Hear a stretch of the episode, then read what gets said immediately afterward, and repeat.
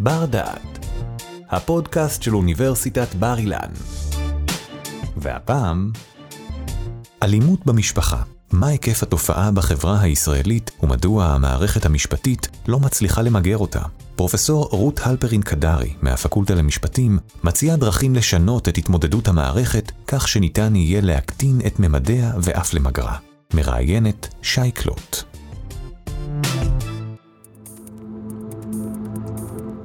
שלום וברוכים הבאים לבר דעת.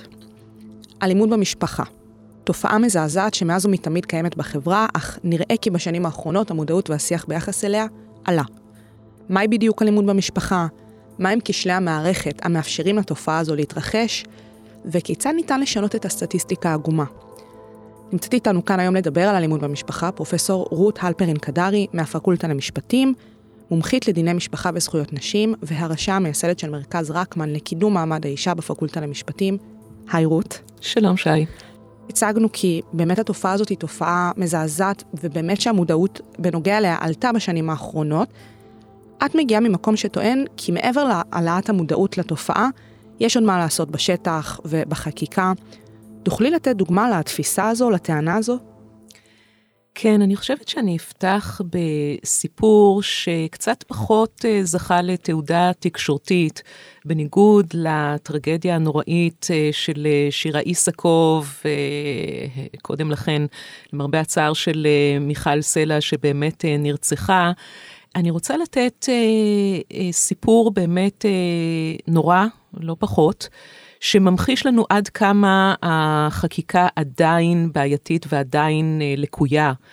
ב-2012 ניסה בעלה אה, אז של ליאת אנשל לרצוח אותה לעיני בנם ברכב בשעה שהיא הגיעה לקחת את הפעוט שהיה בן פחות משלוש שנים אה, אליה במסגרת הסדרי ראייה שהיו נהוגים אז ביניהם.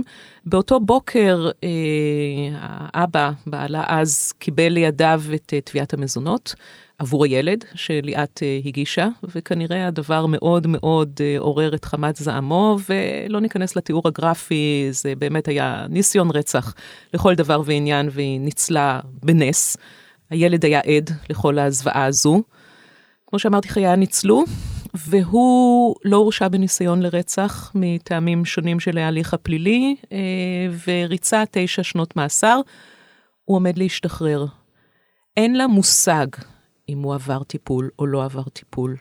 ומה שהכי גרוע זה שכאשר הוא יצא מהכלא, יש לו את מלוא הזכויות ביחס לבן שלו, הוא אפוטרופוס שלו לכל דבר ועניין. הוא יכול לתבוע את המשך הסדרי הראייה, הקשר, הוא יכול לתבוע זמני שהות של הילד אצלו, והחוק אפילו לא קובע שבית המשפט חייב להביא בחשבון את האלימות הכל כך נוראית וקשה שהופנתה כלפי אה, ליאת, כלפי האימא של הילד הקטן, והחוק גם לא קובע שאותה עדות של הפעוט אז לזוועה הזו, גם היא בעצם נחשבת התעללות בילד ו- ו- וסוג של אלימות uh, כלפי הילד, ששוב, שיש להביא בחשבון כשבית המשפט מכריע בהסדרי הראייה.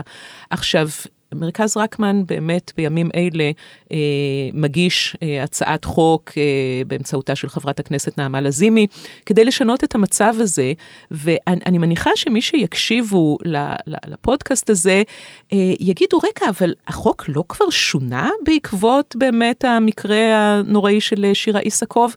אז, אז נכון, המקרה באמת של שירה איסקוב, שבעלה אז, אה, אביעד משה, הורשע בניסיון לרצח, באמת ממחיש את האפשרות לשנות את החוק ולהתאים אותו למציאות הכל כך uh, קשה הזו, אבל שינוי החוק אז היה מצומצם יחסית, רק למקרים של הרשעה.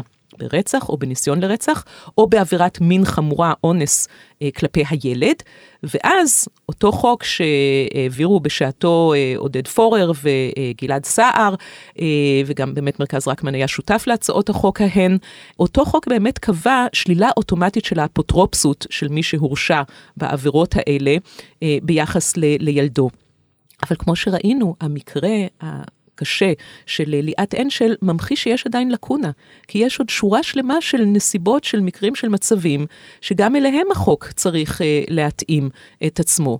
ואני רוצה לחדד פה עוד נקודה שכבר התייחסתי אליה בנוגע לכך שהחשיפה של הילדים, פעוטות, ילדים קטנים, ילדות, לאלימות, גם אם היא איננה מופנית ישירות כלפיהם, אלא ברוב המוחלט של המקרים, כי לפי הנתונים של המשטרה והפרקליטות, למעלה מ-80% ממקרי העבירות האלימות בתוך המשפחה, הקורבן הוא אישה והנאשם הוא הגבר, אז גם אם האלימות מופנית כלפי האימא ולא ישירות כלפי הילד, זו עדיין נחשבת להתעללות בילדים. הפגיעה בילדים היא לא פחותה ולפעמים אפילו קשה יותר מאשר כאשר האלימות מופנית ישירות כלפיהם. וגם כאן, באותה הצעת חוק שהזכרתי שמרכז רקמן אה, מבקש לקדם, גם כאן החוק חייב להגדיר את זה כאלימות במשפחה ולקבוע את כל ההשלכות אה, שיש לכך. אז יש עוד הרבה מאוד מה לעשות ברמת החקיקה. אלימות במשפחה מערבת שני מושגים יחד, אלימות, זאת אומרת איזשהו פן פלילי, מעשה פלילי, ומשפחה, אותו תא אה, חברתי, סוציולוגי, שאולי יש לו את המאפיינים שלו, והנושא הזה לא סתם עומד הרבה על הפרק ובאמת המודעות שלו עלתה, זה מעורר המון המון אמוציות ובאמת זה מזעזע לחשוב שמקרים שכאלה קורים בתוך, בתוך תא משפחתי. מה המושג הזה אומר? מה הוא מכיל בתוכו? את מי הוא כולל? אז אה, יש פה בדיוק כמו שאמרת, מושג שמעורר הרבה אמוציות והרבה מאוד מחלוקת, אה, ויש באמת אה, מורכבות להגדיר בדיוק. זו, זהו אתגר שמערכות משפט בעולם כולו מבקשות אה, להתמודד איתו, ואני חושבת שחשוב מאוד אה, לזכור כל העת שהמושג הזה, אלימות במשפחה, בעצם לא היה מדובר. כביכול לא היה קיים בכלל, עד עמוק לתוך המחצית השנייה של המאה הקודמת, והוא צף על פני השטח רק בזכות המאבק הפמיניסטי, הגל השני של הפמיניזם של שנות ה-60 של המאה הקודמת. מי שמכונות היום הפמיניסטיות הרדיקליות הן אלה שבעצם הנכיחו את התופעה הזאת, כמו שאמרת בפתיח, הייתה קיימת באמת אה, למרבה הצער אה, מאז שחר ימי האנושות, ולקח עוד הרבה מאוד זמן להכיר בכך שבאמת זהו סוג ה... השליטה הקשה ביותר, החמור ביותר של גברים בנשים, וזה בעצם אחד מהאדנים שמבססים את הפטריארכיה, שהיא עדיין המנגנון החברתי העיקש ביותר והבסיסי ביותר בכל החברות בעולם כולו.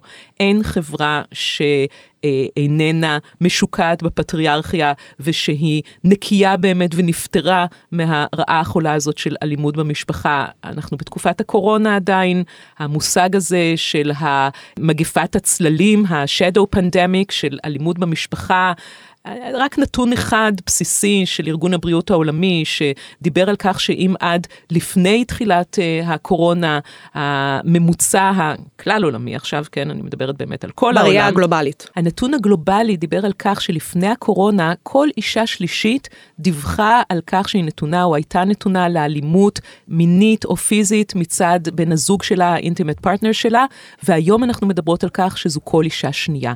וזה באמת מזעזע לחשוב. לחשוב על זה, להכיר בכך. זו מציאות החיים של מחצית מנשוי האנושות, זאת אומרת רבע מהאנושות. מושג נוסף שאנחנו צריכות להתייחס אליו במסגרת הדיון על אלימות במשפחה?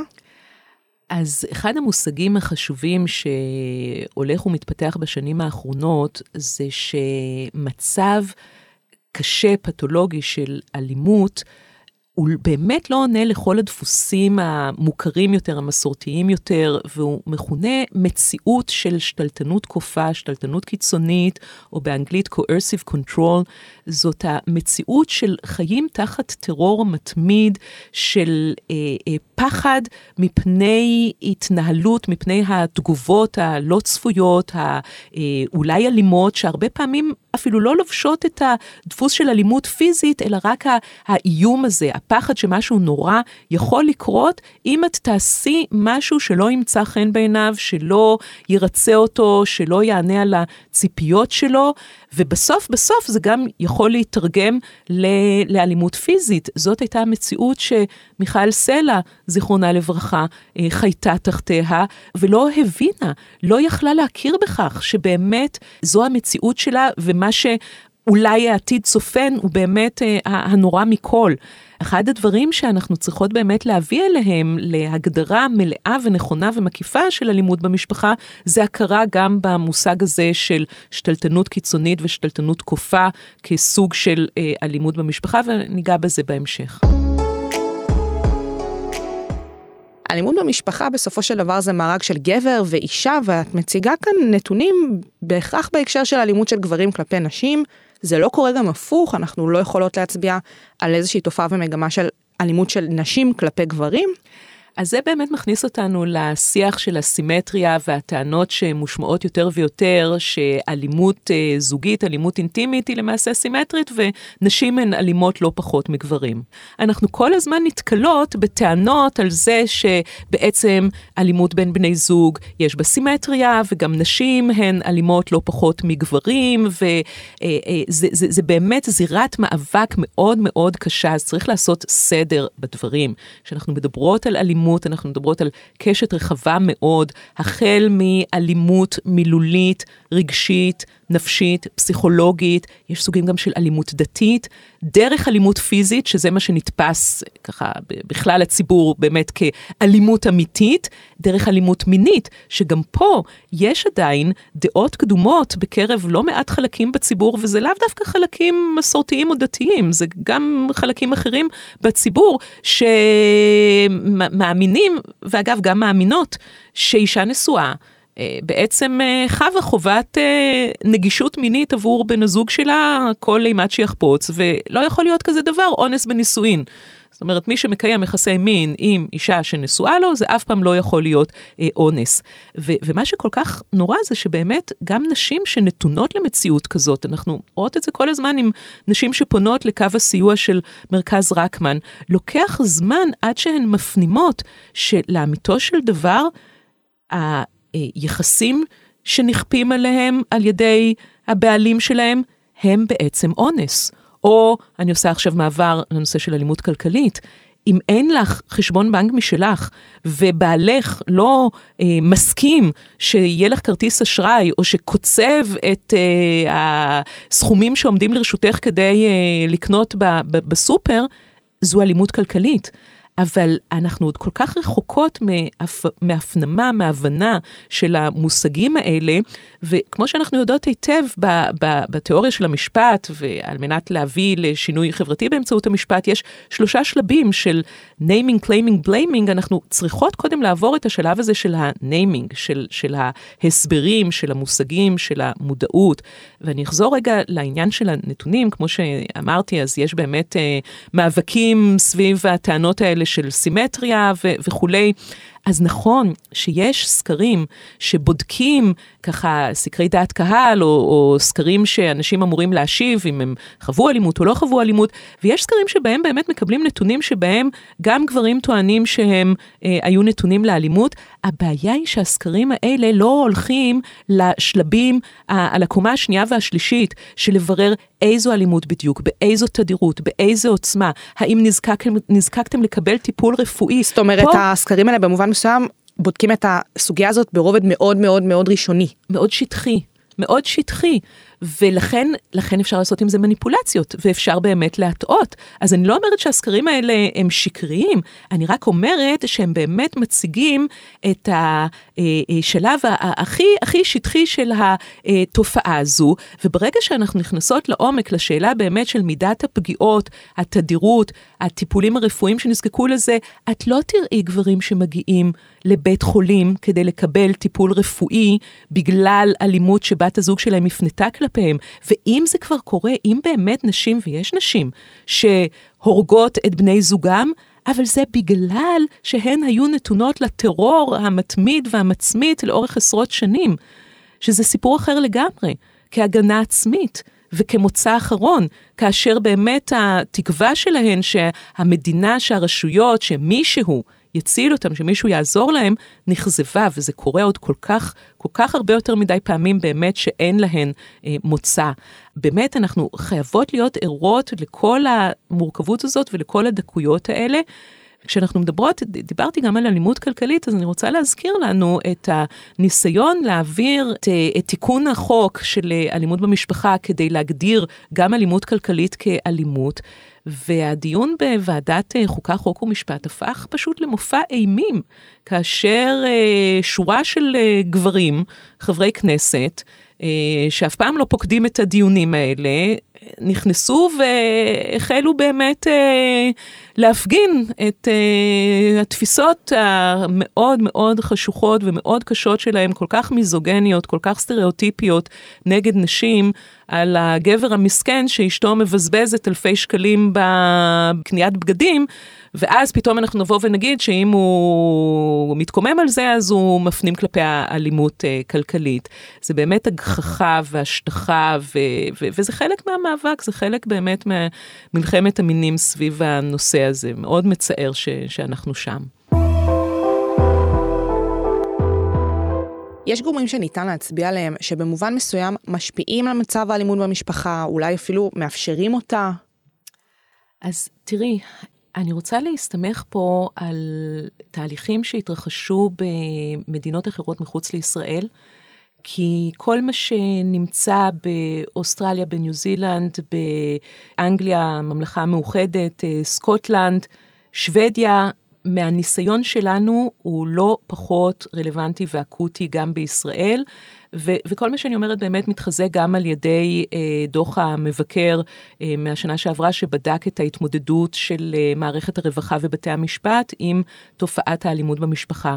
ובאופן עקבי, כל ועדות הבדיקה האלה, שהיו ועדות רשמיות של משרדי המשפטים באותן מדינות שאני הזכרתי, מצאו שיש כמה דברים שחוזרים על עצמם. קודם כל, אי אמון בסיסי של המערכת, וכשאני אומרת המערכת, זה מערכת הרווחה, פקידות הסעד לסדרי דין, ולמרבה הצער בתי המשפט, שופטי אה, בתי משפט למשפחה, שופטי משפחה, אי אמון בסיסי בנשים.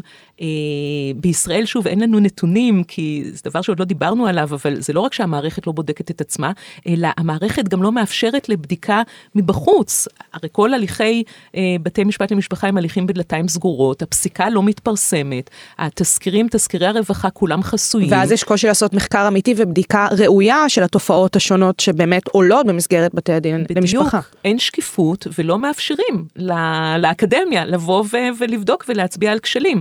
אז אה, אה, בשוודיה למשל, משרד המשפטים בדק תיקים ומצא שכאשר יש אלימות נגד ילדים, בתי משפט רק ב-14% מהמקרים באמת מאמינים לאימהות שמדווחות על האלימות הזאת. זה אותו נתון שנ- ש- שנמצא בארצות הברית, בבדיקה של 3,500 תיקי משמורת. אה, שוב, מחקר שמומן על ידי משרד המשפטים אה, האמריקאי.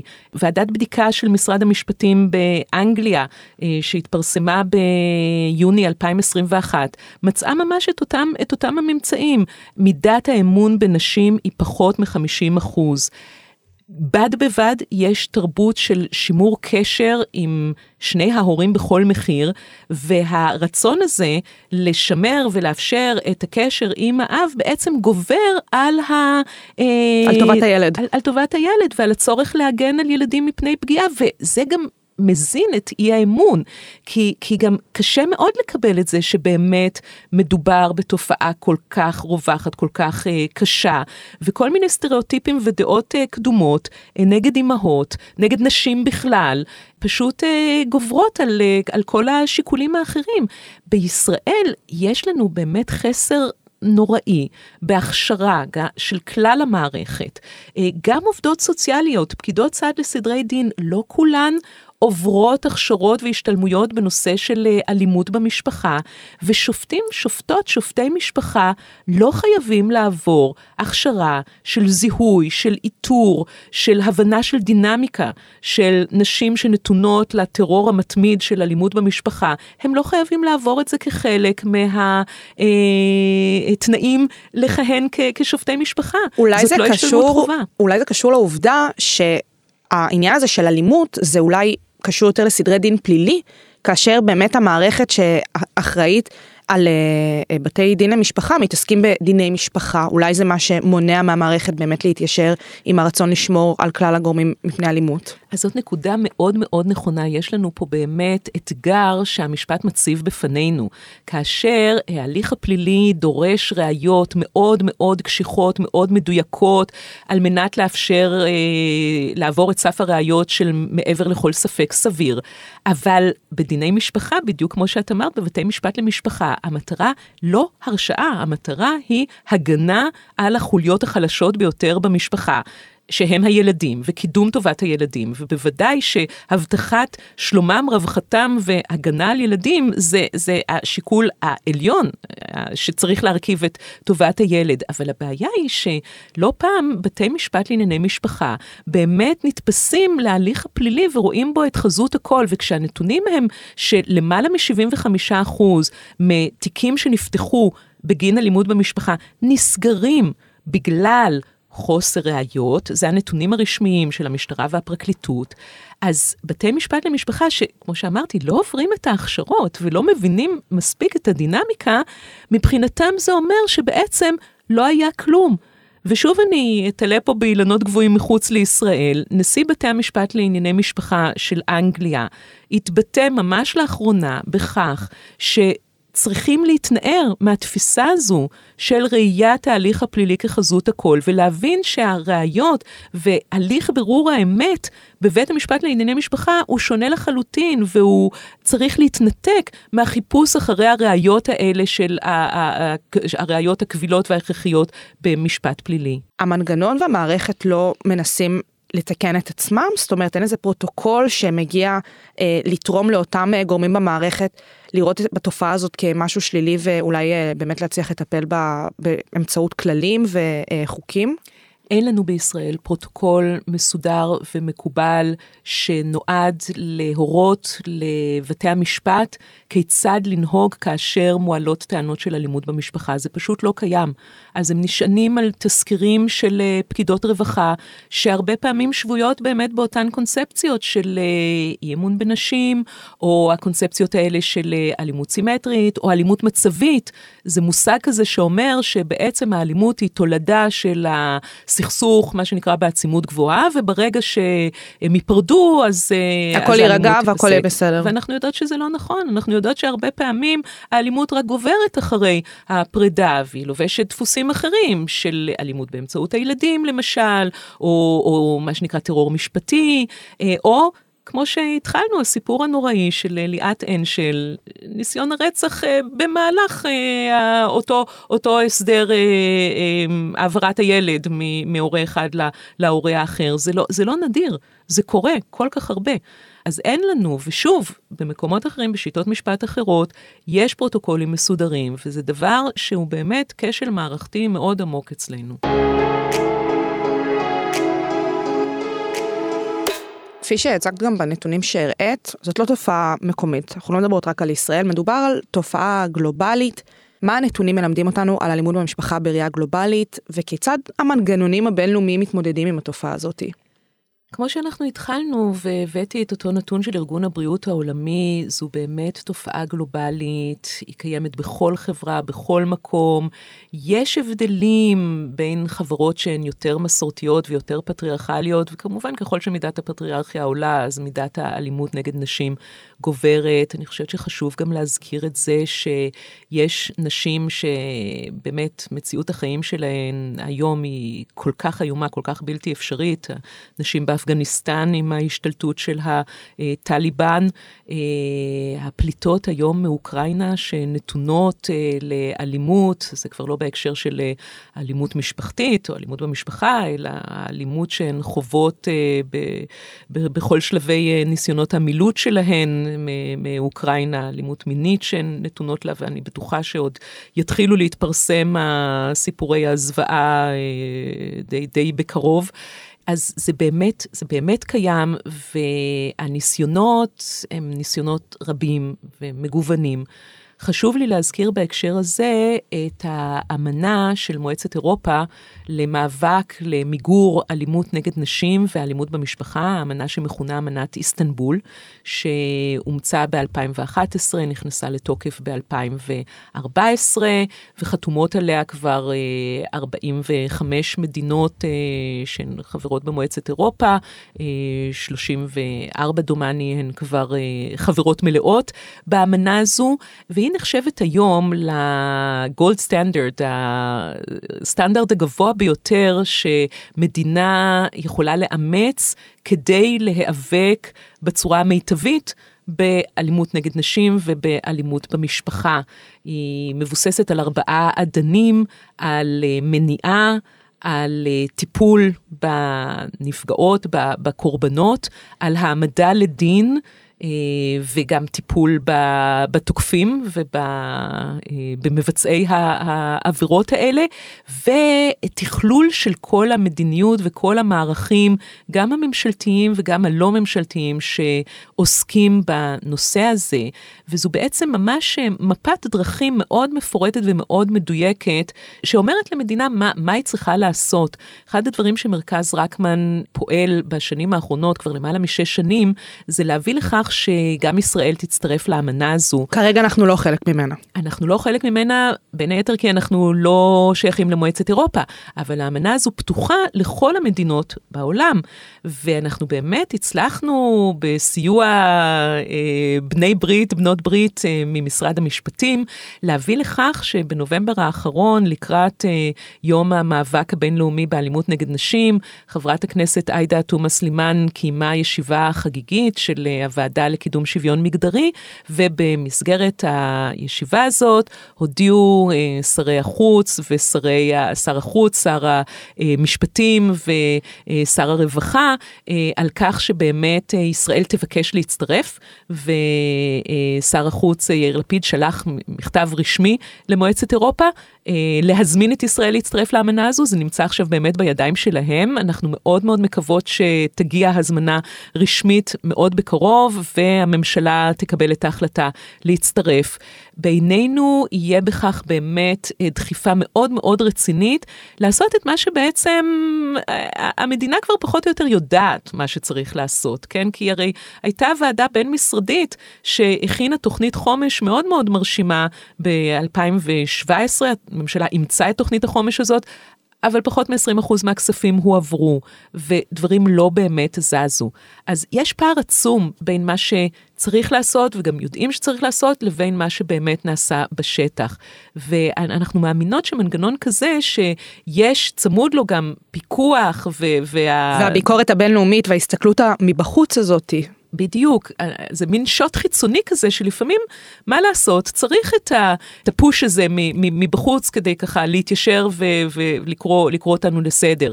אחד הדברים uh, המשמעותיים ברמת החקיקה, שוב, זה מה שיותר uh, קרוב אלינו, זה לתת הגדרה מלאה, מקיפה, ממצה בחוק של אלימות במשפחה, וזאת שוב הצעת חוק אה, מאוד אה, רחבה שמרכז רקמן עבד עליה, והגשנו לחבר הכנסת גלעד קריב, שעומד בראש אה, ועדת חוקה, חוק ומשפט, ואנחנו מאוד מקוות שהוא באמת אה, יקדם את הצעת החוק הזאת. פרופסור רות אלפרין קדרי, המון המון תודה. תודה לך, שי. תודה שהאזנתם לנו. באפליקציית בר דעת מחכים לכם עוד הרבה פודקאסטים מחכימים. אתם מוזמנים לצאת איתנו למסעות נוספים אל העבר ואל העתיד. בר דעת, אפליקציית הפודקאסטים של בר אילן, משפיעים על המחר, היום.